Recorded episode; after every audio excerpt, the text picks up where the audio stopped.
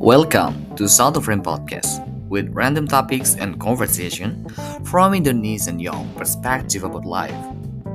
And this is your host, Rayhan Saidi, will give you good insight because after you listen, you insight.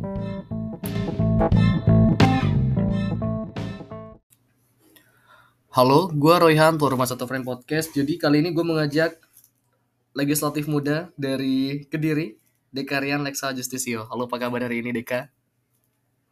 Halo, apa kabar Bang? Alhamdulillah sehat Alhamdulillah. sekali nih Bang. Iya. Bang Royan gimana kabarnya? Baik. Lu di mana sekarang? Lagi di Jember ya Bang? Saya oh, di Jember. Ini aku lagi di, Iya, aku lagi di Kediri sih Bang. Di Kediri. Oke, ini lu Iya. aslinya emang Kediri apa gimana, Dek? Iya, asli Kediri, kelahiran Kediri. Hmm, karena dulu gue pernah undang lu di awal-awal tuh episode belasan kalau nggak salah. Backgroundnya adalah founder Kediri Cerdas. Itu masih jalan nggak Kediri Cerdas tuh? Masih, masih, masih Bang, masih terus. Alhamdulillah. Regenerasinya juga masih terus berjalan, Alhamdulillah. Alhamdulillah. Jadi selain lu menjalankan fon- menjalankan Kediri Cerdas itu, lu sekarang jadi legislatif ya di kota Blitar. Eh, jadi calon ya, Oh, calon caleg. anggota eh, caleg ya, caleg di Oke. DPRD ya. Jadi di Kabupaten Blitar Bang, bukan kota. Oh, Blitar tuh ada dua ya? Ada kota sama kabupaten. Iya, ada kota dan kabupaten. Dan dan lu di Kabupaten Blitarnya. Iya, aku di Kabupaten Blitarnya. Kenapa di Blitar? Kan lu kan aslinya di Kediri. Iya, jadi kenapa di Blitar gitu ya? Karena sebenarnya kan kalau wilayah Kediri, Blitar, Tulungagung itu kan sebenarnya kan satu dapil Bang. Nanti ketika pencalonan di DPR gitu. Dan aku memang arahnya ke sana nantinya gitu. Nah, kalau di Blitar memang basis dari keluargaku juga banyak gitu kan. Keluarga dari Simba asli dari Blitar seperti itu. Hmm. Kalau di Kediri memang aku juga di Kediri asli Kediri, maksudnya kelahiran Kediri. Cuma keluarga banyak yang ada di Blitar, ada yang di Tulungagung, seperti itu sih bang. Ini kalau ke Blitar ini ya bukan orang asing sih sebenarnya aku, hanya pulang kampung aja nih bang. Pulang Ke kampung. Rumah Simbah lah. Ah, Iya, Oke. gitu. Tapi kenapa di Blitar gitu loh? Kenapa nggak langsung di Kediri aja, Dek? Iya, karena eh, pada waktu itu ketika sebelum pendaftaran caleg ya di DCS itu banyak sekali partai yang eh, menawarkan diri eh, ke saya gitu kan, baik dari partai parlemen ataupun partai non parlemen. Tetapi ketika aku lihat eh, di dalam apa ya kontestasi yang ada di Kediri itu menurutku masih belum mampu kalau aku harus bertarung di sana. Karena eh, pada waktu itu partai Gerindra tidak tidak ini tidak ada tawaran ke saya di Kediri loh ya. Tetapi eh, ada tawaran masuk itu dari partai Gerindra Kabupaten Blitar gitu kan. Dan aku merasa bahwasanya oh di Blitar nih gitu kan. Menarik gitu. Karena di sana banyak dari keluarga Simbah juga gitu kan yang memang kita juga punya jaringan yang kuat di Blitar gitu. dan aku sendiri juga apa ya kalau kita lihat di Blitar itu kan kalau secara eh, implementasi secara umum itu kan masih banyak apa itu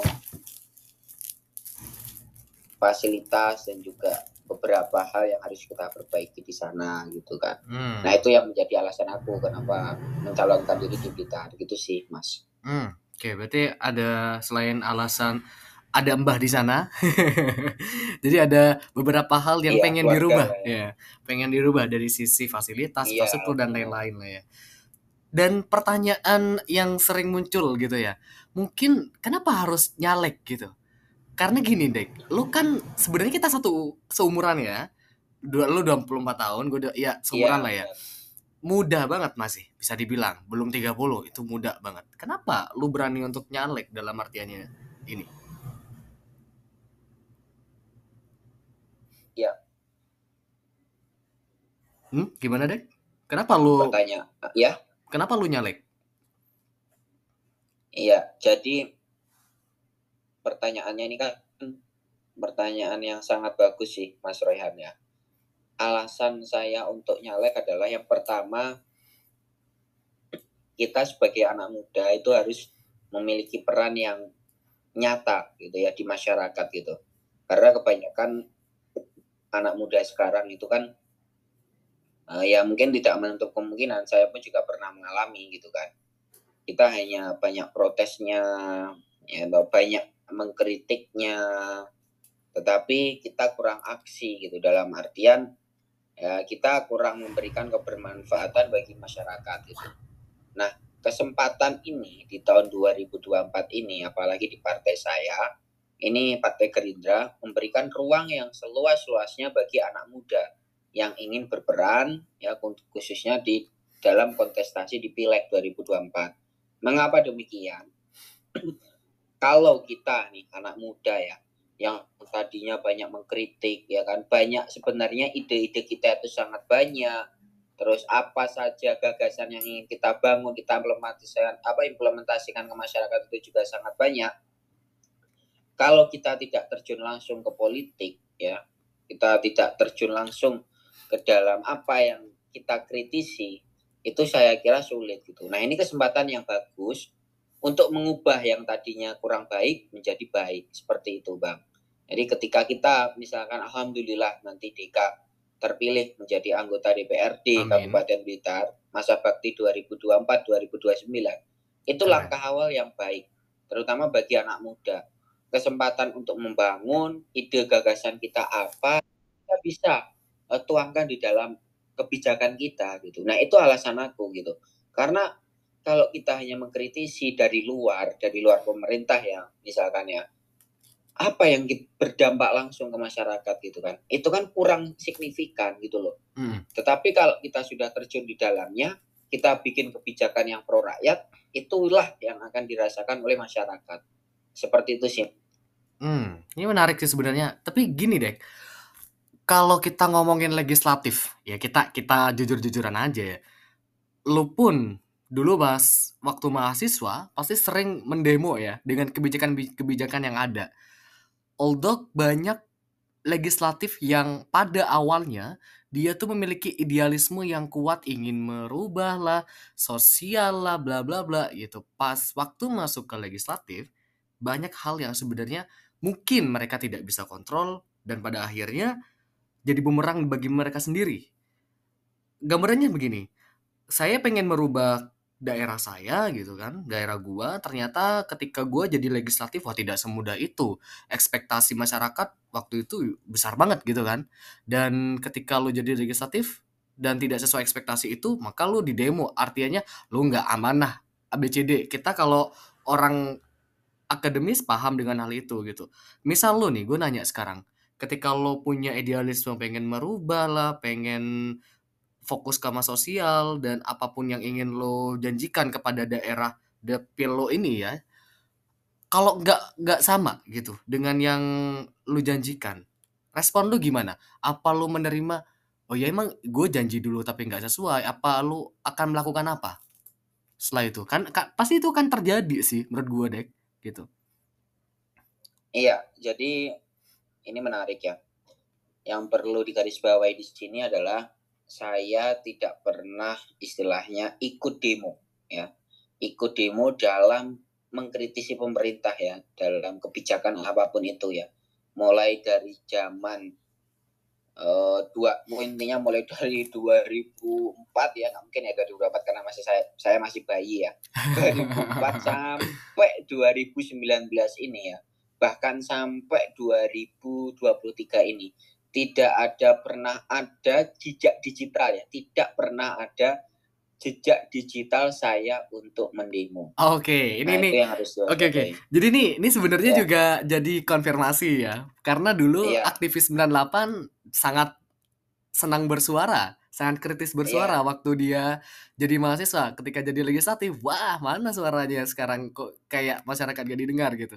Jadi Deka tidak ya. pernah ikut demo sama sekali ya ketika yeah. ada pilpres dari 2004 sampai yang kemarin. Oke, okay, yeah. menarik. Tidak ada pernah ya nggak akan apa ya nggak ada riwayat istilahnya saya ikut demo. Jadi Baik itu di pemerintahan. Ya. Oke, okay, jadi itu jadi sebuah hal yang baik atau hal yang tidak baik sebenarnya nggak ikut demo, Dek?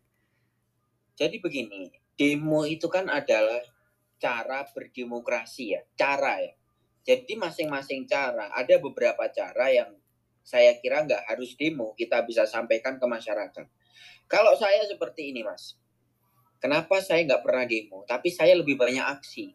Mungkin bisa dicek lah di lingkungan masyarakat saya. Misalkan nih, misalkan saja, ada tetangga saya ada dua bisa di cross check di lingkungan saya nggak bisa kuliah kebetulan kuliahnya di UNED nanti tanya aja oh. itu sama orangnya ya ekonomi pembangunan dia jalur SNMPTN namanya Evi Setianingsih cari aja searching nanti ya atau tanya itu ke ekonomi pembangunan bener nggak yang dilakukan DK seperti itu saya selalu menekankan ke teman-teman ya kalau seorganisasi sama saya itu pasti tahu perbanyak aksi, kurangi protes. Udah Keren. cermati itu aja. Perbanyak aksi, kurangi protes.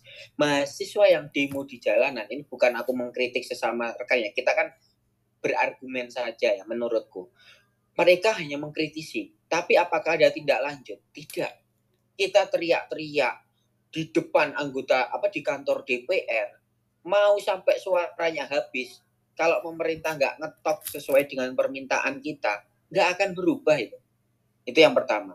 Yang kedua, kalau saya lebih suka aksi, Mas.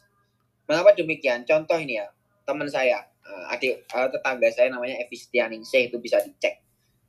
Ketika dia butuh beasiswa, ya, ketika dia butuh beasiswa ke UNED, dia kebetulan uh, menengah ke bawah seperti itu perekonomiannya. Nggak berani kuliah di UNED, gitu ya. Tetapi saya langsung bilang, oke okay, saya bantu gitu dengan cara apa saya sampaikan ini ke pemerintah pada waktu itu ada namanya beasiswa Kinuta saya jelaskan bahwasanya teman saya rekan saya ini latar belakang keluarganya seperti ini dan sebagainya. Sekarang dia bisa kuliah di UNED dampaknya secara langsung. Emang hal seperti itu perlu demo? Enggak kan? Yang hmm. di demo mungkin kebijakan pemerintah yang misalkan sembako nggak merata. Daripada seperti itu Mbok Yo kita bisa bilang baik-baik. Ya kan? Tuh. tapi terdampak loh masyarakatnya. Lo itu bisa dirasakan. Sekarang mahasiswa yang demo mohon maaf ini ya teman-teman yang demo di jalan ada nggak tindak lanjutnya? Misalkan nih omnibus law. Ada nggak sekarang tindak lanjutnya? Kalau aku nggak gitu mas. Misalkan nih apa yang kita lakukan aja gitu loh. Cerminan kita itu apa yang kita lakukan aja. Misalkan ada permasalahan. Mas ini ada masyarakat ini ada nih ya nyetor ini data sembako. Langsung saya listkan, saya sampaikan. Misalkan di dapil situ ada relasi saya di anggota DPRD, Pak tolong dibantu ya Pak, ini masyarakatnya kurang nggak mampu. Loh, bukankah itu juga cara berdemo? Kita secara, menyuarakan aspirasi rakyat, okay. ya kan? Demo secara diplomatis ya maksudnya? Oh, iya, ya, diplomatis. kalau saya seperti itu Bang. Jadi benar-benar terdampak gitu. Jadi saya itu nggak orangnya itu nggak suka ribut ya. Okay. Mending wes diem aja sekalipun dihujat ya difitnah atau apa mending saya diem ibaratnya seperti itu orang-orang itu kan sukanya lebih teriak-teriak di jalan kalau saya enggak bang saya di balik layar apa kebutuhanmu ayo kalau bisa saya bantu. Itu aja sih bang okay. selesai. Jadi itu yang saya selalu sampaikan ke teman-teman. Kalau mereka satu organisasi sama aku pasti tahu. Dan itu cara yang baik. Lebih efisien lebih didengar. Kenapa ya? Itu aku manfaatkan relasiku ya. Untuk agar masyarakat tahu bahwasanya oh dengan cara diplomatis lebih baik. Karena musyawarah untuk mufakat seperti itu bang. Unjuk rasa boleh itu kan bagian dari cara ya. demokrasi hmm. aku nggak menyalahkan teman-teman yang demo ya tetapi kan itu ya bagian dari cara mereka gitu cara itu kan masing-masing bang ya hmm. cara untuk apa ya menuju ke Jember itu kan ada yang lewat mungkin mau Surabaya dulu ya toh lewat Surabaya ada yang lewat Malang juga bisa ya kan macam-macam itu itu kan cara tapi kalau caraku mungkin bisa dicek bahwa DK tidak pernah demo tetapi DK lebih suka aksi ke bawah turun Keren. ke bawah seperti okay. itu bang itu alasan lu juga kenapa lu memfokuskan diri ikut caleg ya karena karena gue ngelihat bahwa ketika lu jadi anggota legislatif tentu suara bisa lebih didengar. You are represent beberapa orang, beberapa wilayah untuk menyuarakan itu kepada pemerintah. Karena banyak orang yang malah belum tahu ya, kalau legislatif, eksekutif sama yudikatif tuh beda-beda. Kalau kata masyarakat tuh ya hakim ya pemerintah, DPR ya pemerintah, padahal Iya. bukan, padahal bukan ya teman-teman ya. Tapi ini pertanyaannya gini deh, lu ketika jadi DPRD gitu kan ya, lu tadi eh, menjaminkan atau menjanjikan, pasti harus janji dong. Karena ada yang bilang kalau nggak janji ya gimana caranya gua gua percaya sama lu. Tapi balik lagi banyak janji yang tidak sesuai gitu, Dek. What is your response ketika lu berjanji eh, nggak sesuai dengan apa yang dimau sama masyarakat di sana nantinya? Iya. Kalau saya sih ketika dalam berkampanye, bersosialisasi, saya selalu menjanjikan hal yang realistis. Seperti itu. Kita Contohnya, di DPRD itu contohnya apa realistis? Apa janji realistis itu, Dek? ya misalkan nih di dalam eh, sebuah eh, di dalam dapil saya itu kan dapil dua ya Serengat Sanangklong Lego misalkan ada akar permasalahan terkait dengan pendidikan. Banyak masyarakat yang menengah ke bawah ya tidak eh, sebenarnya anak mereka ingin sekolah yang tinggi. Tetapi kadang itu bapak ibunya kan takut biaya di sana seperti apa nanti mahal, nanti bisa putus kuliah, balik lagi ke rumah kan seperti itu. Itu salah satu contoh ya. Saya bilang, Bu, ketika Pak Bu, ketika nanti saya menjadi anggota DPRD di Kabupaten Blitar, saya ingin setiap ya setiap anak yang ingin kuliah ya, baik di negeri ataupun eh baik di negeri ataupun swasta di mana pun itu saya ingin pemerintah Kabupaten Blitar memfasilitasi semua. Nah, setiap janji yang saya sampaikan itu tentunya kita harus belajar dulu ya Mas ya, karena Hmm, belajar anggaran itu penting, betul. mekanisme di DPRD seperti apa, terus kita juga harus tahu Mas, itu program itu kita adopsi dari mana, kita belajar dari mana. Nah, kalau saya belajar, kenapa kok saya bisa menjanjikan itu karena sudah ada daerah lain yang bisa melakukan itu Hmm, berarti apa yang saya janjikan realistis gitu loh. Nah, itu yang harus di yang harus digarisbawahi. Terus yang kedua, caleg itu nggak boleh banyak janji ataupun apa pun itulah. Misalkan ngasih BBM gratis seluruh Indonesia. Uh, nyinggung siapa tuh? dari mana? Siapa tuh? Enggak, misalkan misalkan aja ya. Misalkan ya. Aku nggak tahu itu siapa kan nanti bisa di Google kan. Nah, realistis Oke. nggak tuh? Ya toh, bagaimana mekanismenya? Ya toh? Yes. mekanismenya bagaimana? Apakah nggak dihitung dulu ketika mau ngobrol anggarannya berapa? Kan seperti itu. Kalau saya nggak mau mas seperti itu, mati kita mas anggaran. Yes. Tim dari mana anggaran BBM gratis ke apa bagi masyarakat yang punya motor gitu? Wah salam kita. Jadi buat janji yang realistis saja gitu dan sesuai dengan kondisi yang ada di masyarakat gitu loh. Kayak pencegahan stunting. Kalau dari kami Pak Prabowo menjanjikan makan siang gratis dan juga minum susu gratis bagi anak sekolah. Bagi lo tuh Ada realistis. anggarannya. Bagi lo tuh Realistis realistis. itu. Ah. Realistis banget.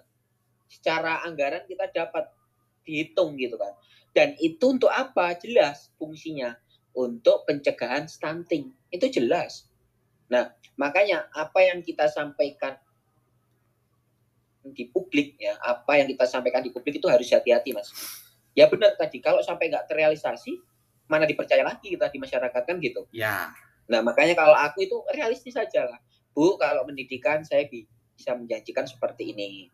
Karena beda mas ketika nanti kita sudah terpilih jadi anggota dewan kalau macam-macam itu ya anak-anak di Blitar misalkan ya mohon maaf nggak dibiayai ke eh, untuk kuliah gitu padahal dia sudah diterima di SNM misalkan SPM atau sejenisnya tapi pemerintah daerah nggak hadir di situ berdosa dia salah besar itu pemerintah Oke. seperti itu Itu Iya, it- kita bisa menegur gitu oke. Ya. Itu adalah sebuah idealisme yang lo bawa akan tetap konsistenkah ketika lo jadi cal- jadi legislatif nanti?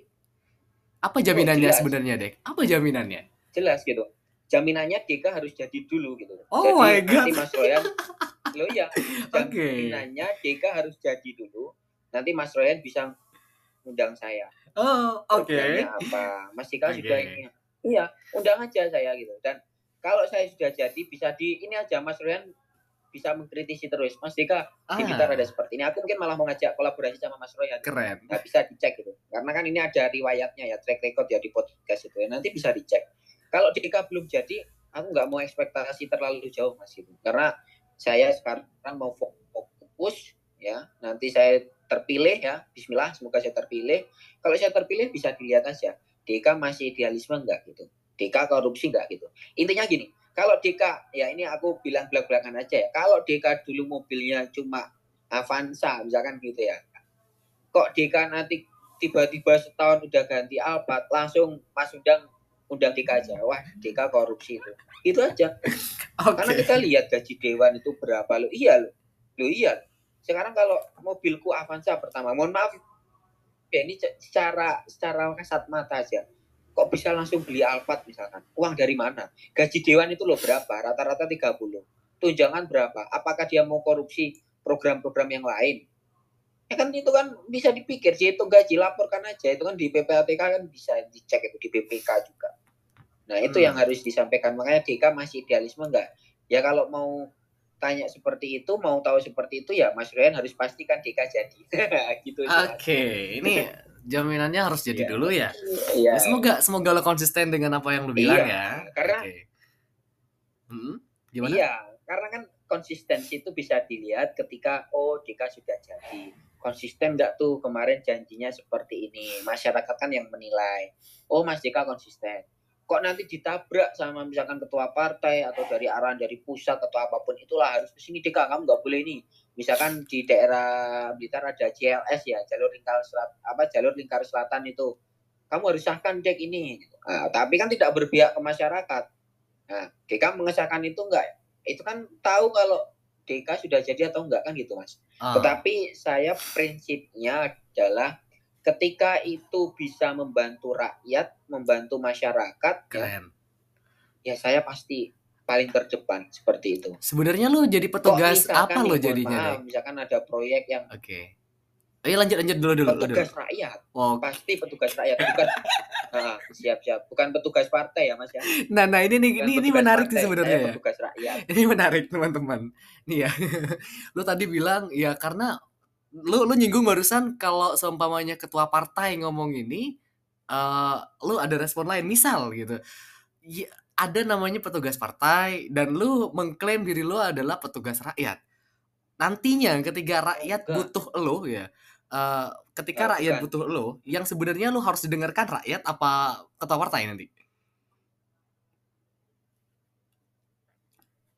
Halo, Halo Dek, iya gimana? Halo mas ya. Ah, masuk. Jadi gini mas, tadi mohon maaf dikoreksi dulu. Ja- Jadi misalkan ya ada intervensi dari ketua partai. Dika, kamu harus tanda tangan ini biar istilahnya mempermudah proyek ini gitu. Oke. Loh, saya kaji dulu mas. Kan tadi saya bilang kalau proyek saya mau tanda tangan. Tapi kalau enggak, ya saya enggak mau. Nah, perlu digarisbawahi bahwasanya di DPRD itu kursi di Blitar itu ada 50 mas. Oke. Itu yang harus di, digarisbawahi ya mas ya. Dari 50 itu yang tanda yang enggak tanda tangan cuma DK. Proyek itu tetap berjalan. Terus menilai saya, saya enggak menepati janji. Yang salah siapa? Masa saya kan enggak mas. Wong saya enggak tanda tangan, misalkan seperti itu loh. Tapi yang tanda tangan 49 orang. Kalah dong saya. Nah, di DPRD itu ada mekanismenya, Mas. Jadi nggak semua serta-merta kita harus menjudge bahwasanya orang ini salah, orang ini nggak menepati janji. Harus dilihat itu dari latar apa dari ke belakangnya seperti apa mekanismenya gitu loh. Kadang makanya kan sekarang itu partai ya, partai itu pemegang luar biasa ya, pemegang utama kebijakan masyarakat luar biasa. Karena kalau misalkan nih mohon maaf ini kalau dibilang kampanye ya monggo kalau enggak ya monggo ya kalau di Gerindra saya pun lihat visi misinya gitu. Visi misinya seperti apa itu kita juga harus lihat kita bandingkan dengan karena itu akan juga berpengaruh mas nanti di elektoral di masyarakat gitu. Kebijakan apa yang akan disampaikan ke masyarakat. Nah ini juga pentingnya ya pentingnya masyarakat kita edukasi bahwasanya kalau nyoblos orang jangan cuma pakai duitnya aja. Cuma dikasih 50 ribu mau nyoblos dia. Padahal nggak tahu visi misinya apa latar belakang belakangnya apa, programnya apa. Nah, itu yang harus digarisbawahi. Dan saya mendedikasikan menjadi petugas rakyat, bukan Keren. petugas partai. Gerindra nggak bisa itu atur-atur saya, Mas. Gerindra nggak bisa atur-atur DK. Bisa mengatur, Oke, bisa mengatur. iya, nggak bisa. Bisa mengatur dalam artian gini, apa dulu yang diinstruksikan gitu loh. Kalau untuk memenangkan Pak Prabowo, jelas dalam ADRT aku all out memenangkan Pak Prabowo. Tetapi kok di dalam itu kok ada instruksi yang lain, yo nggak bisa, mohon maaf itu. DK independen, teman. Sekalipun DK saya berada di independen. partai Oke, Gerindra. ini nih sebenarnya Iya. Alasan sekalipun saya di partai, alasan lo masuk Gerindra ini inikah salah satunya? Lo nggak bisa diintervensi sama pimpinan? iya, iya, memang itu nggak bisa diintervensi sama pimpinan. Dalam hal menentukan kebijakan ya, ketika nanti saya saya menjadi anggota DPRD, nggak bisa. Itu yang aku mau gitu. Karena kalau di partai lain itu Sendiko Dawu, ketua umum, Kalau di ketua umum, kalau di Gerindra nggak? kawanannya. kalau di Gerindra enggak tuh? Misalkan gitu. Enggak, Oh. Enggak. enggak. enggak, Ini menarik nih, enggak menarik ada, jadi. enggak ada. Jadi Ya, kalau makanya join partai Gerindra ya Mas. ya. eh, waduh, gue gak, gue gue gak punya waktu, lebih ke gak punya duit. Iya, iya. Emang ik- ikut caleg kan dapat enggak. duitnya, ya nggak sih dek? Enggak. Nah, Kayak gimana tuh? ini ini ini yang harus di yang harus disampaikan ke teman-teman itu ya partai Gerindra itu nggak melihat itu mas Oh iya, jujur aja nanti setelah ini undang aja undang aja habis ini namanya Dimas Putra Wijaya ini rekanku di partai juga dia nyakal kalau tanyain dia punya duit atau enggak itu aja dia karena dia partai Gerindra tapi kalau gak punya duit gak Gerindra. kepilih nanti dek. Gimana dong? bukan gitu bang Gimana tuh? semua itu ada plus minusnya bang Mm-mm. duit itu bisa dicari kok bang banyak donatur ya toh? Banyak misalkan kita punya program yang bagus untuk apa? Banyak yang datang bang. Yang melirik kita itu banyak. Jadi duit itu bukan satu-satunya. Meskipun eh, semuanya juga butuh duit kan seperti itu ya. Tetapi kita harus tahu bahwasanya berkontestasi itu bukan menang-menangan duit. Kalau sekarang itu ya rakyat makin cerdas. Kalau kita hanya berpacu bahwasanya kita mau nyalek harus si- siap 5M pembodohan itu namanya mas Tapi ada Pembodohan. tuh kemarin di apa ya podcast apa gitu. Dia bilang Heeh. untuk maju DPRD di Jakarta itu sekitar berapa m, berapa ratus juta gitu. Itu ya lu nggak Iya berapa M ya? Iya. Berapa? 5 M kalau nggak salah ya. lu nggak lu nggak mendapatkan itu. Maksudnya lu tidak mengeluarkan duit sebanyak itu atau lu nggak keluar duit sama sekali? Oh enggak, kalau aku tetap mengeluarkan duit lah mas, namanya juga nyalek kan ya. Heeh. Jadi harus siap gitu. Makanya ketika kita mau nyalek ya harus siap secara Berapa tuh? Nggak mungkin Berapa m? ya ya enggak ya itu ada lah nominalnya kalau itu kan ya. Yang jelas untuk transport transport pribadi sama tim. Terus ketika ke masyarakat itu sosialisasi kan kita juga eh, menyiapkan acara itu kan juga butuh dana gitu. Ya intinya kalau aku sih semakin banyak anggaran yang dikeluarkan potensi berkorupsi itu banyak kemungkinan gitu ya kalau caleg-caleg lain mungkin loh ya tapi kalau aku nggak mau seperti Tapi itu kan kalau Jadi- nggak banyak keluar, lu susah untuk jadi, eh, Dek. kita kita harus belajar ini ya belajar menganalisis ya kemauan dari masyarakat gitu kan. Karena dengan cara kita pendekatan ya kalau udah deket nih mohon maaf. Misalkan aku eh, sama Mas Royhan misalkan ya. Terus ada caleg lain datang Mas Royhan belum kenal belum pernah kenal belum apa gitu. Nah kadang teman kita itu lebih mending milih DK daripada yang lain nggak kenal kan gitu. Salah satunya apa ya? Ini kesempatan kita mendekati ke masyarakat gitu loh. Karena masyarakat itu gampang kok mas. Kalau di desa itu yang penting diuang nih dalam artian diuang itu dimanusiakan. Itu wis banget. Lek misalkan ada orang meninggal mohon maaf kita hadir melayat. Kalau ada orang menikah kita hadir. Udah itu aja kalau ada orang sakit misalkan kita bisanya cuma nganterin dia ke rumah sakit yang tadinya dia harus bayar rental atau mungkin bayar apa gratis. Gitu aja. Kan saya ada bisnis rental ya namanya Keren. DK Rent Car and Travel itu. Nah itu untuk apa? Kalau ada orang yang sakit ya boleh naik mobilku diantar ke rumah sakit gratis. Wes gak usah bayar. Sopir ya tak bayarani. Nah itu kan salah satu aksiku aksi nyataku ke masyarakat itu. Hmm. Bahwasanya aku menjadi dewan itu sudah ada track record gitu loh. Bahwasanya oh aku seperti ini aku seperti ini gitu. Masyarakat pun juga bisa menilai gitu.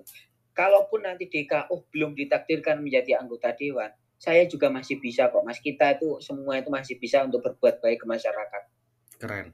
Itu kan hanya salah satu cara tuh mas untuk menjadi Oke. dewan agar lebih mudah kan seperti itu. Hmm, betul. tapi kalaupun enggak kayak Mas Royhan bisa mengundang podcast tokoh-tokoh seperti ini. Kan mengedukasi sebenarnya seperti ini ya kan? Banyak That's right. masukan-masukan. Akhirnya oh wawasan kalau caleg muda seperti ini oh ada kemarin ada bagian pendidikan seperti ini. Kalau kegiatan bersosial seperti ini loh ini adalah hal baik mencoba memilih cara untuk nyalek gitu. Yaitu tadi tujuan saya. Ya aku harap idealisme kita ya Mas Royhan saya dan teman-teman yang lain yang memang punya visi misi yang bagus itu akan terus dikawal seperti itu Mas. Hmm, amin. Itu harapannya sebenarnya. Jadi kalau Iya, seumpamanya seumpamanya pengen berbuat baik lebih besar, saran lo masuk partai. Salah satunya seperti itu. Salah satunya Karena masuk partai. Hmm. Iya. jadi pengusaha juga bisa kan berbuat baik nanti bisa mengalokasikan dana CSR untuk kepentingan masyarakat kan bisa. Tapi kenapa tuh Mas? Kok kita harus masuk partai dan nanti nyalek di DPRD kita target juga harus menang. Karena dengan di DPRD itu kan nanti akan merumuskan kebijakan mas. Dan kebijakan itu bisa dirasakan oleh masyarakat orang banyak gitu loh. Kalau kita cuma jadi pengusaha misalkan kita punya usaha terus dana CSR cuma 100 juta mohon maaf nih misalkan ya. Yang berdampak kan cuma hanya beberapa aja mas. Cuma 100 orang tapi ketika kita terpilih menjadi anggota DPRD terus kita mengesahkan nih kebijakan bahwasanya di Kabupaten Blitar setiap orang ya setiap anak yang istilahnya memiliki apa ya kemampuan misalkan untuk diterima di PTN atau PTS berhak mendapatkan bantuan dari pemerintah. Sekian gitu berupa Hmm. apa gitu. Loh itu kan se- Kabupaten Blitar berdampak mas. Ya toh Ya. kalau jadi DPRD tapi kalau kita cuma jadi pengusaha kita cuma bisa bantu 100 orang tapi kalau kita jadi DPRD terpilih dan membuat kebijakan yang pro rakyat kita bisa membantu 2 juta masyarakat di Blitar kan gitu Kalau ada kebijakan yang pro rakyat, lo bisa membantu Iya. lebih luas gitu ya. Tapi iya gini deh, cakupannya lebih luas kasus yang terjadi di saat Mm-mm. ini adalah banyak masyarakat yang tidak percaya sama wakil rakyat. Dan lu kan belum jadi wakil rakyat lah dalam artiannya ya. Kenapa lu Mm-mm. mencoba untuk jadi wakil rakyat? Padahal banyak orang yang masih belum percaya gitu. Banyak yang korupsi lah, banyak yang tidak amanah gitu. Although kalau kita belajar tentang sistem pemerintahan, politik gitu, ada mekanisme di situ. Tidak semudah itu untuk yang seperti masyarakat apa namanya yang masyarakat lihat gitu. Dan lu nantinya kan jadi wakil rakyat. Gimana tanggapan lu dengan hal itu? Iya. Jadi yang perlu digarisbawahi sekali lagi adalah setiap partai politik itu baik. Ya, setiap partai politik itu baik, mempunyai visi dan misi yang baik juga untuk kepentingan rakyat ya. Itu yang harus digarisbawahi. Yang kedua, hal-hal seperti itu itu sebenarnya bukan partainya yang salah, tapi oknumnya. Oknum yang ada di dalamnya. Nah, saya tentunya punya kewajiban ya untuk meyakinkan masyarakat bahwasanya ini loh seorang DK ya. Ini loh seorang DK anak muda yang punya idealisme yang ingin mengorbankan jiwa dan raganya untuk rakyat gitu. Dalam artian apa? Di sini kita harus mengedukasi masyarakat bahwasanya hal-hal yang seperti itu itu hanyalah oknum gitu kan di dalam sebuah partai, di dalam sebuah nanti apa di kelembagaan di DPRD itu kita juga harus menjelaskan ke masyarakat bahwasanya ada mekanisme-mekanisme tertentu yang harus dilampaui untuk mengesahkan dan menentukan kebijakan yang diinginkan masyarakat. Itu kita harus edukasi gitu. Dan sekarang kita juga harus mengedukasi apa untuk meminimalisir eh, anggota DPRD ataupun di lembaga pemerintahan yang korupsi, masyarakat pun juga harus sadar, Mas. Jadi wakil rakyat itu bukan jadi sumber-sumber apa sumber satu-satunya yang salah. Enggak. Masyarakat pun juga harus sadar. Karena demikian, money politik di Indonesia itu sangat tinggi. Hmm. Sangat tinggi, Mas. Karena tahu gaji DPRD banyak, nah mending orang mengeluarkan uang berapa M, baliknya misalkan uang apa eh, calon caleg misalkan mengeluarkan uang 5 M, tapi berharap baliknya 10 M. Itu padahal kalau sesuai gaji itu nggak cukup, ya toh. Jadinya korupsi sesuai, ya. Mungkin uh, korupsi gitu. Nah, masyarakat harus tahu bahwasanya ketika memilih wakil itu jangan cuma dilihat duitnya ya toh dilihat cuma ngasih amplop ya toh pas hari H perangan fajar. Coblos ini ya bu. Coblos ini ya bu. Dapat uang 100 sudah senang. Nah masyarakat di situ juga harus sadar bahwasanya itu yang menjerumuskan gitu loh. Kalau wakil rakyat calon wakil rakyat sudah memberikan uang ya seperti itu money politik wong aturan KPU aja dilanggar kok.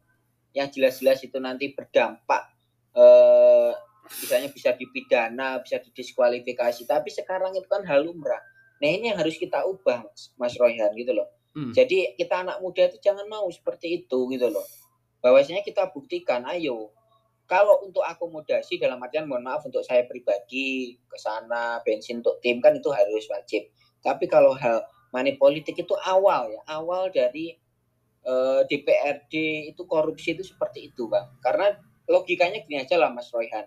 Ketika berdagang, Mas Royhan punya jualan minuman nih, ya toh. Seharga sepuluh ribu pulaan lah ya. Pulaan itu uh, apa ya? Ngambil dari orang lain misalkan harga sepuluh ribu. Apakah Mas Royhan setelah melakukan uang sepuluh ribu itu mau rugi jadi delapan ribu? Kan nggak mau. Mm. Enggak kan? Mm. Nah, mm pasti kalau kita mengeluarkan duit, kita pengen duit kita yang dikeluarkan itu pasti balik. Ibaratnya itu modal, ya toh? Modal awal. Modal awal. kita mau rugi kan gitu. Betul.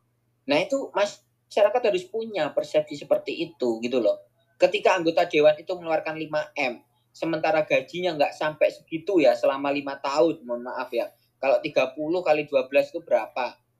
Ya toh, nggak sampai 5 m itu selama lima tahun kok mau dia mengeluarkan uang seperti itu apa gak rugi nah itu harus dipikir juga tapi kan gini itu. deh misal gini deh kalau so ini ini ada dua perspektif sebenarnya ya. Gue ke perspektif dari sisi masyarakat dulu deh. Masyarakat ini kecenderungan kalau orang Madura sendiri bilang gini mau milih yang ngasih duit. Nah ini nih sebenarnya kan sudah mengakar banget tuh. Itu yang perspektif pertama ya. Dia bakal milih sama yang ngasih duit karena pada akhirnya mereka tuh uh, bakal ditinggalin gitu loh. Mending gue maksimalin aja di waktu di di pilpres di apa di waktu caleg-caleg ini lagi nyari suara gitu ya udah gue maksimalin aja tuh. Yang penting ngasih duit gue milih gitu kan. Atau pada akhirnya mereka tidak memilih atau golput gitu. Yang penting gue dapat duit. Itu realita yang ada di lapangan ya nggak sih deh itu yang pertama. Yang kedua perspektifnya dari si caleg sendiri. Kalau gue nggak uh, investasi banyak nih dalam artinya gue ngasih nggak modal banyak nih wah nggak nggak menang nih gue karena masyarakat pada faktanya itu lebih suka yang ngasih duit gitu dibandingkan yang ngasih beberapa program atau janji gimana menurut lo dek kalau kayak gitu iya kita juga itu adalah salah satu fakta yang terjadi di lapangan dan sifatnya umum tapi ada fakta lain mas jadi yang saya temui di lapangan adalah ketika kita punya modal sosial yang bagus. Makanya kalau mau nyalek itu jangan cuma datang pas tiba-tiba gitu loh mas. Nah itu harus tahu gitu loh.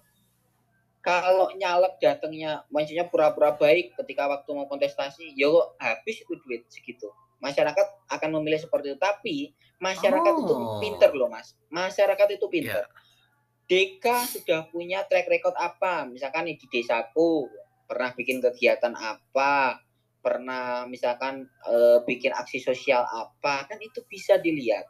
Nah, ketika Dika nyalon, kos kita nggak banyak gitu loh, Mas. Oh, Mas Dika tuh, wis kenal aku, api kayak wonge. Oh, udah baik dia orangnya. Oh, dulu pernah bantu saya, anak saya kuliah, sekarang udah lulus loh. Kan masyarakat akan memilih tanpa duit, Mas. Nah, itu yang harus ditekankan gitu loh Makanya kalau orang mau nyalek dan masyarakat, jadi ada dua dua hal yang harus sama-sama kritis gitu loh. Kalau pengen maju, nggak bakal ditinggalin kalau kita sudah kenal orangnya, sudah berbuat apa dia di masyarakat kan gitu. Hmm. Misalkan nih kerja bakti kerja bakti nggak mau keluar rumah nah itu kan habis itu tiba-tiba nyalek ngasih duit besok pasti ditinggalin itu rakyat Wong kesehariannya nggak seperti itu kok Ah, Sebenarnya kalau saya misalkan Mhm. ini hal simpel aja ada kerja bakti nggak nggak mungkin saya mampunya cuma membelikan kopi ya kalau sama ngasih sarapan nasi pecel misalkan loh masyarakat akan menilai mas. Ketika DK sekarang naik di 2024 orang tahu wah mas DK ini merakyat.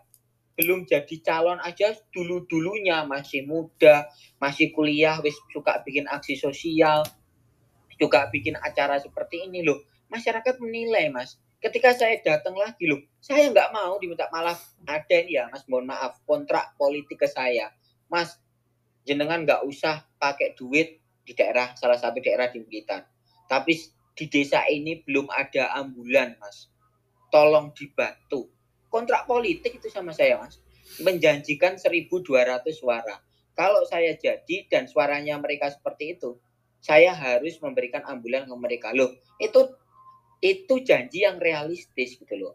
Banyak mas nggak harus pakai duit gitu. Tinggal pinter-pinternya kita ke masyarakat kita membuktikan oh ini loh track record kita. Masyarakat itu menilai Oh. gitu loh Oke oke, I get the point. J- jadi pada akhirnya pun kita bisa tidak pakai duit banyak, tapi di situ ada lobby dan kompromi. Koreksi kalau gue iya salah. benar benar Ah, bisa Iya, aja bener, Mas. Berarti gu- Iya. masyarakat sebenarnya gue gue paham masyarakat udah pinter banget terkait dengan hal ini gitu kan. Dia pasti memilih orang-orang yang memiliki track record bagus gitu. Tapi pada pada faktanya ya Deka, ketika orang yang track recordnya bagus itu di daerah gue sendiri gitu kan, ada yang tiba-tiba meninggalkan gitu loh. I mean gini deh, kalau seumpamanya kita bahas tentang track record, ada track record yang dibangun Hah? dia hanya sekedar image dan juga gimmick. Gue pengen misal 2029 deh, gue bangun aja dari sekarang biar masyarakat percaya sama gue. Walaupun itu adalah hal baik, tapi faktanya dia hanya mengambil suara aja. Dan ketika dia jadi caleg, ah sorry, dia wakil rakyat sendiri, rakyatnya ditinggalin. Ada yang kayak gitu. Menurut lo gimana? ya kalau saya jawab aja ada yang nggak kayak gitu. Ada yang nggak kayak gitu. Jadi itu sekali lagi itu oknum. Semua itu tergantung orangnya mas. Ada yang nggak kayak gitu juga. Mohon maaf ini misalkan rekan saya ya. Eh, saya sebut merek aja lah. Itu namanya Mas Reza Darmawan. Dia itu bagus banget merawat masa merawat rakyat dalam artian actionnya nggak banyak ngomong tapi turun ke masyarakat.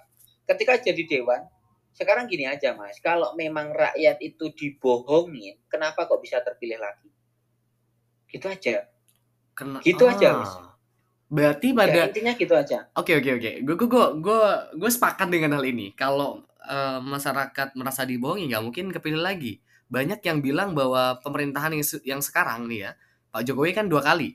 Banyak yang bilang kita dibodohi bla bla bla sampai dua kali. Berarti pemerintahan Jokowi bagus dong menurut lo dua tahun ini? Iya dong, pasti jelas Ah. bagus dong mas. Oke. Ya, sekarang gini aja, logika aja wes. Sekarang logika. Sekalipun DK misalkan nih pas hari ya ngasih 100 ribu, 100 ribu misalkan gitu ya. Akhirnya dipilih itu sama rakyat ya toh. Nah, setelah jadi lima tahun nyalon lagi DK. Kalau DK membohongi rakyat, ya, DK nggak sesuai. Itu misalkan loh ya kalau ngasih duit, misalkan ini calon yang ngasih duit gitu ya. Kalau calon itu membohongi rakyat dan nggak sesuai dengan ekspektasi, sekalipun calon itu ngasih duit satu juta, dua juta, nggak bakal dipilih mas. Karena rakyat udah pintar. Rakyat itu, Iya. iya, rakyat cerdas kan itu logika aja. Kayak Jokowi lah, kemarin dikritik nggak pro rakyat, nggak pro rakyat, nggak pro rakyat dan Tapi sebagainya. dipilih lagi. Tapi dia buktinya terpilih, bagus dong berarti dia. Kan gitu aja mas. Hmm, I get the point. Oke. Iya. Kalau dibilang masyarakat ditinggalkan oleh calonnya, ya jangan dipilih lagi. Kok terbukti terpilih lagi? Dia yang mengada-ngada, mungkin dia timnya siapa gitu. Buzzer ya. Buzzer lah mungkin, iya toh. Kan gitu aja mas. Kayak misalkan nih, mohon maaf nih, Pak Mas Prabowo dan Gibran, ini pembahasan isu yang sangat menarik juga sebenarnya. Mas Gibran, eh apa namanya, sekarang jadi cawapres ya kemarin ada polemik sedikit di MK dan sebagainya yang membuat heboh di masyarakat. Nah, kalau masyarakat nggak suka ya jangan dipilih gitu loh. Tetapi kita harus tahu bahwasanya di dalam sistem demokrasi itu tidak ada yang namanya politik dinasti. Itu enggak ada. Pilpres dipilih oleh rakyat. Kok nanti Mas Mas Pak Prabowo dan Mas Gibran terpilih, ya berarti baik dong untuk rakyat gitu loh. Hmm. Ada yang perlu. Ini kan isu yang dimainkan aja. Oh, gitu oke oke oke. Wait a minute. Gue gue gue gue pengen. Okay, ya. Jadi uh, elam... enggak, ini. Gue gue pengen elaborasi pernyataan lo tadi. Berarti Pak Pak Prabowo udah kali kalah gimana menurut lo? Wah. Oke. Okay. Ya, kalau Pak Prabowo tiga kali kalah terus mencalonkan lagi dianggap ambisius misalkan ya. Terus partai yang pengen hat trick boleh nggak kita nganggap ambisius juga? Hmm. Gue no komen sih bagian apakah, ini loh ya apakah sekarang begini mas? Pak Prabowo kalah tiga kali tapi dia masih mau mencalonkan menghibahkan dirinya untuk bangsa Indonesia dianggap ambisius, udah tua wes leren wae kan gitu. Tapi apakah nanti ketika ada partai yang ingin hat trick tiga kali menang, kita katakan, weh ambisius, nggak sportif dong kita. Wong pilpres itu dipilih rakyat kok. Kalau rakyat masih menghendaki, pasti terpilih gitu loh. Kalau Pak Prabowo kalah tiga kali, ya ini yang saya suka dari partai saya. Partai pejuang yang setia dengan Pak Prabowo yang tahu bahwasanya Pak Prabowo benar-benar ingin apa ya e, mensejahterakan rakyat gitu. Itu terbukti apa dia bangun misalkan nih bangun universitas ya. Banyak loh kan sekarang cabangnya. Sekarang buka universitas apa itu kemarin lupa aku. Terus ada juga lapangan sepak bola untuk e, untuk apa kepentingan kepentingan pecinta sepak bola dan pesepak bola Indonesia. Loh, itu sudah dilakukan dia. Wong dia belum jadi presiden aja sudah seperti itu gitu loh. Apalagi kalau dia sudah terpilih nanti jadi presiden kan gitu.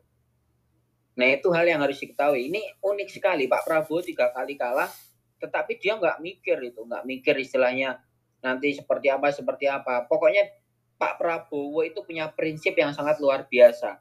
Dia berjuang habis-habisan untuk mensejahterakan rakyat. Dengan cara apa? Salah satu jalannya adalah menjadi presiden. Karena dengan cara menjadi presiden, dia bisa membuat kebijakan yang pro rakyat nantinya. Seperti itu, Bang. Hmm, menarik ya. Berarti ini banyak hal yang sebenarnya bisa kita pelajari dari pembicaraan hari ini ya. Dan iya, tentu iya. ketika lo jadi calon legislatif ya, ada hmm. janji-janji yang lu tawarkan ke mereka. Entah janji kayak entah sebuah statement atau apa apa apa aja sebenarnya janji yang ditawarkan lo kepada masyarakat di Blitar itu? Iya. Tentu ketika janji uh, karena latar belakang saya ini seorang antropolog ya mas ya. Antropologi di FISIP ya di Unpad.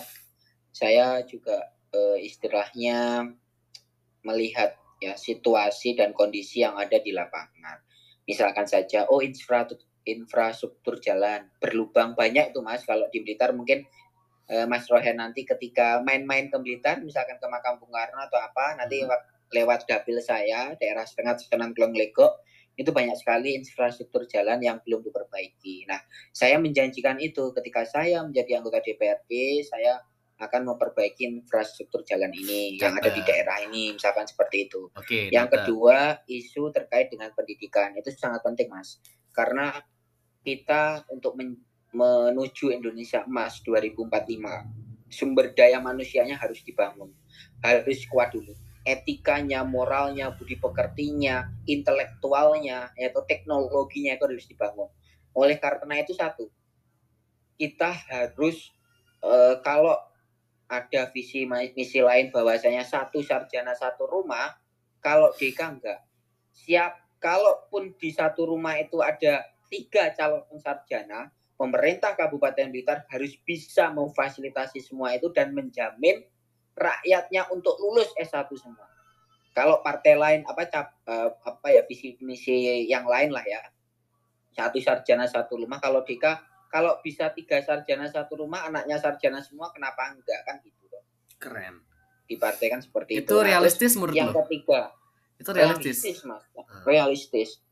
Karena dana pendidikan itu kalau di Blitar itu alokasinya itu hampir 30%, Mas, 30-40. Nah, hanya saja program-programnya kan kadang nggak tersampaikan ke masyarakat uh, secara baik, terus kadang ada yang diselewengkan, misalkan yang harusnya beasiswa ini uh, jatuh kepada si A, oh ada keluarganya si si B misalkan ya, itu masih kekerabatan, ada kekerabatan dengan uh, calon, akhirnya dikasihkan ke si B. Nah itu kan hal yang nggak baik gitu. Nah, aku berusaha netralitas hal yang seperti itu. Itu yang kedua. Terkait dengan isu lingkungan hidup. Nah, ini juga penting disosialisasikan ke masyarakat itu kan karena ada beberapa titik di daerah dapil saya itu yang pembuangan sampahnya belum terarah dengan baik dan sebagainya. Nah, itu ya itu realistis realistis ya. Terus kayak infrastruktur jalan, kayak penerangan jalan. Nah, itu aja mas yang aku bahas gitu. Jadi hmm. masyarakat itu nggak suka ngomong sing dekik-dekik gitu ya, ngomong ya. yang tinggi-tinggi tapi realisasinya nggak ada. Kalau saya nggak mau seperti itu. Apalagi janji ngasih bensin gratis itu gila itu. Gak salah nanti saya. Gue ngerti nih arahnya mau ke mana nih. iya lo iya misalkan aja mas itu kan nggak realistis. Gak realistis ya bang. Oke terakhir. Enggak, lah. Nih Dek, lo hmm. apa yang pengen disampaikan kepada teman-teman yang lagi dengerin podcast ini? Ya. Oke. Mungkin kalau untuk teman-teman ya, kita semua Gen Z ya. Kita itu Gen Z ya, bukan generasi milenial. Kalau kita itu Gen Z, generasi silenial kita itu punya pemikiran yang luar biasa. Kita itu punya ide gagasan yang luar biasa. Kreativitas yang luar biasa. Kita memang tidak memiliki uh, pengalaman untuk hal itu ya, untuk menjadi calon anggota uh, untuk menjadi anggota dewan atau apa. Tetapi kita punya masa depan yang bisa kita ini realisasikan nantinya ketika menjadi uh, anggota DPRD gitu. Nah, setiap orang itu punya kesempatan yang sama. Setiap orang itu punya uh, hak untuk menang yang sama. Kalau hari ini ya, kalau hari ini ada misalkan anak petani yang bisa uh, anak uh, mebel atau anak petani yang bisa menjadi presiden atau apa, kita besok juga bisa menjadi seperti itu.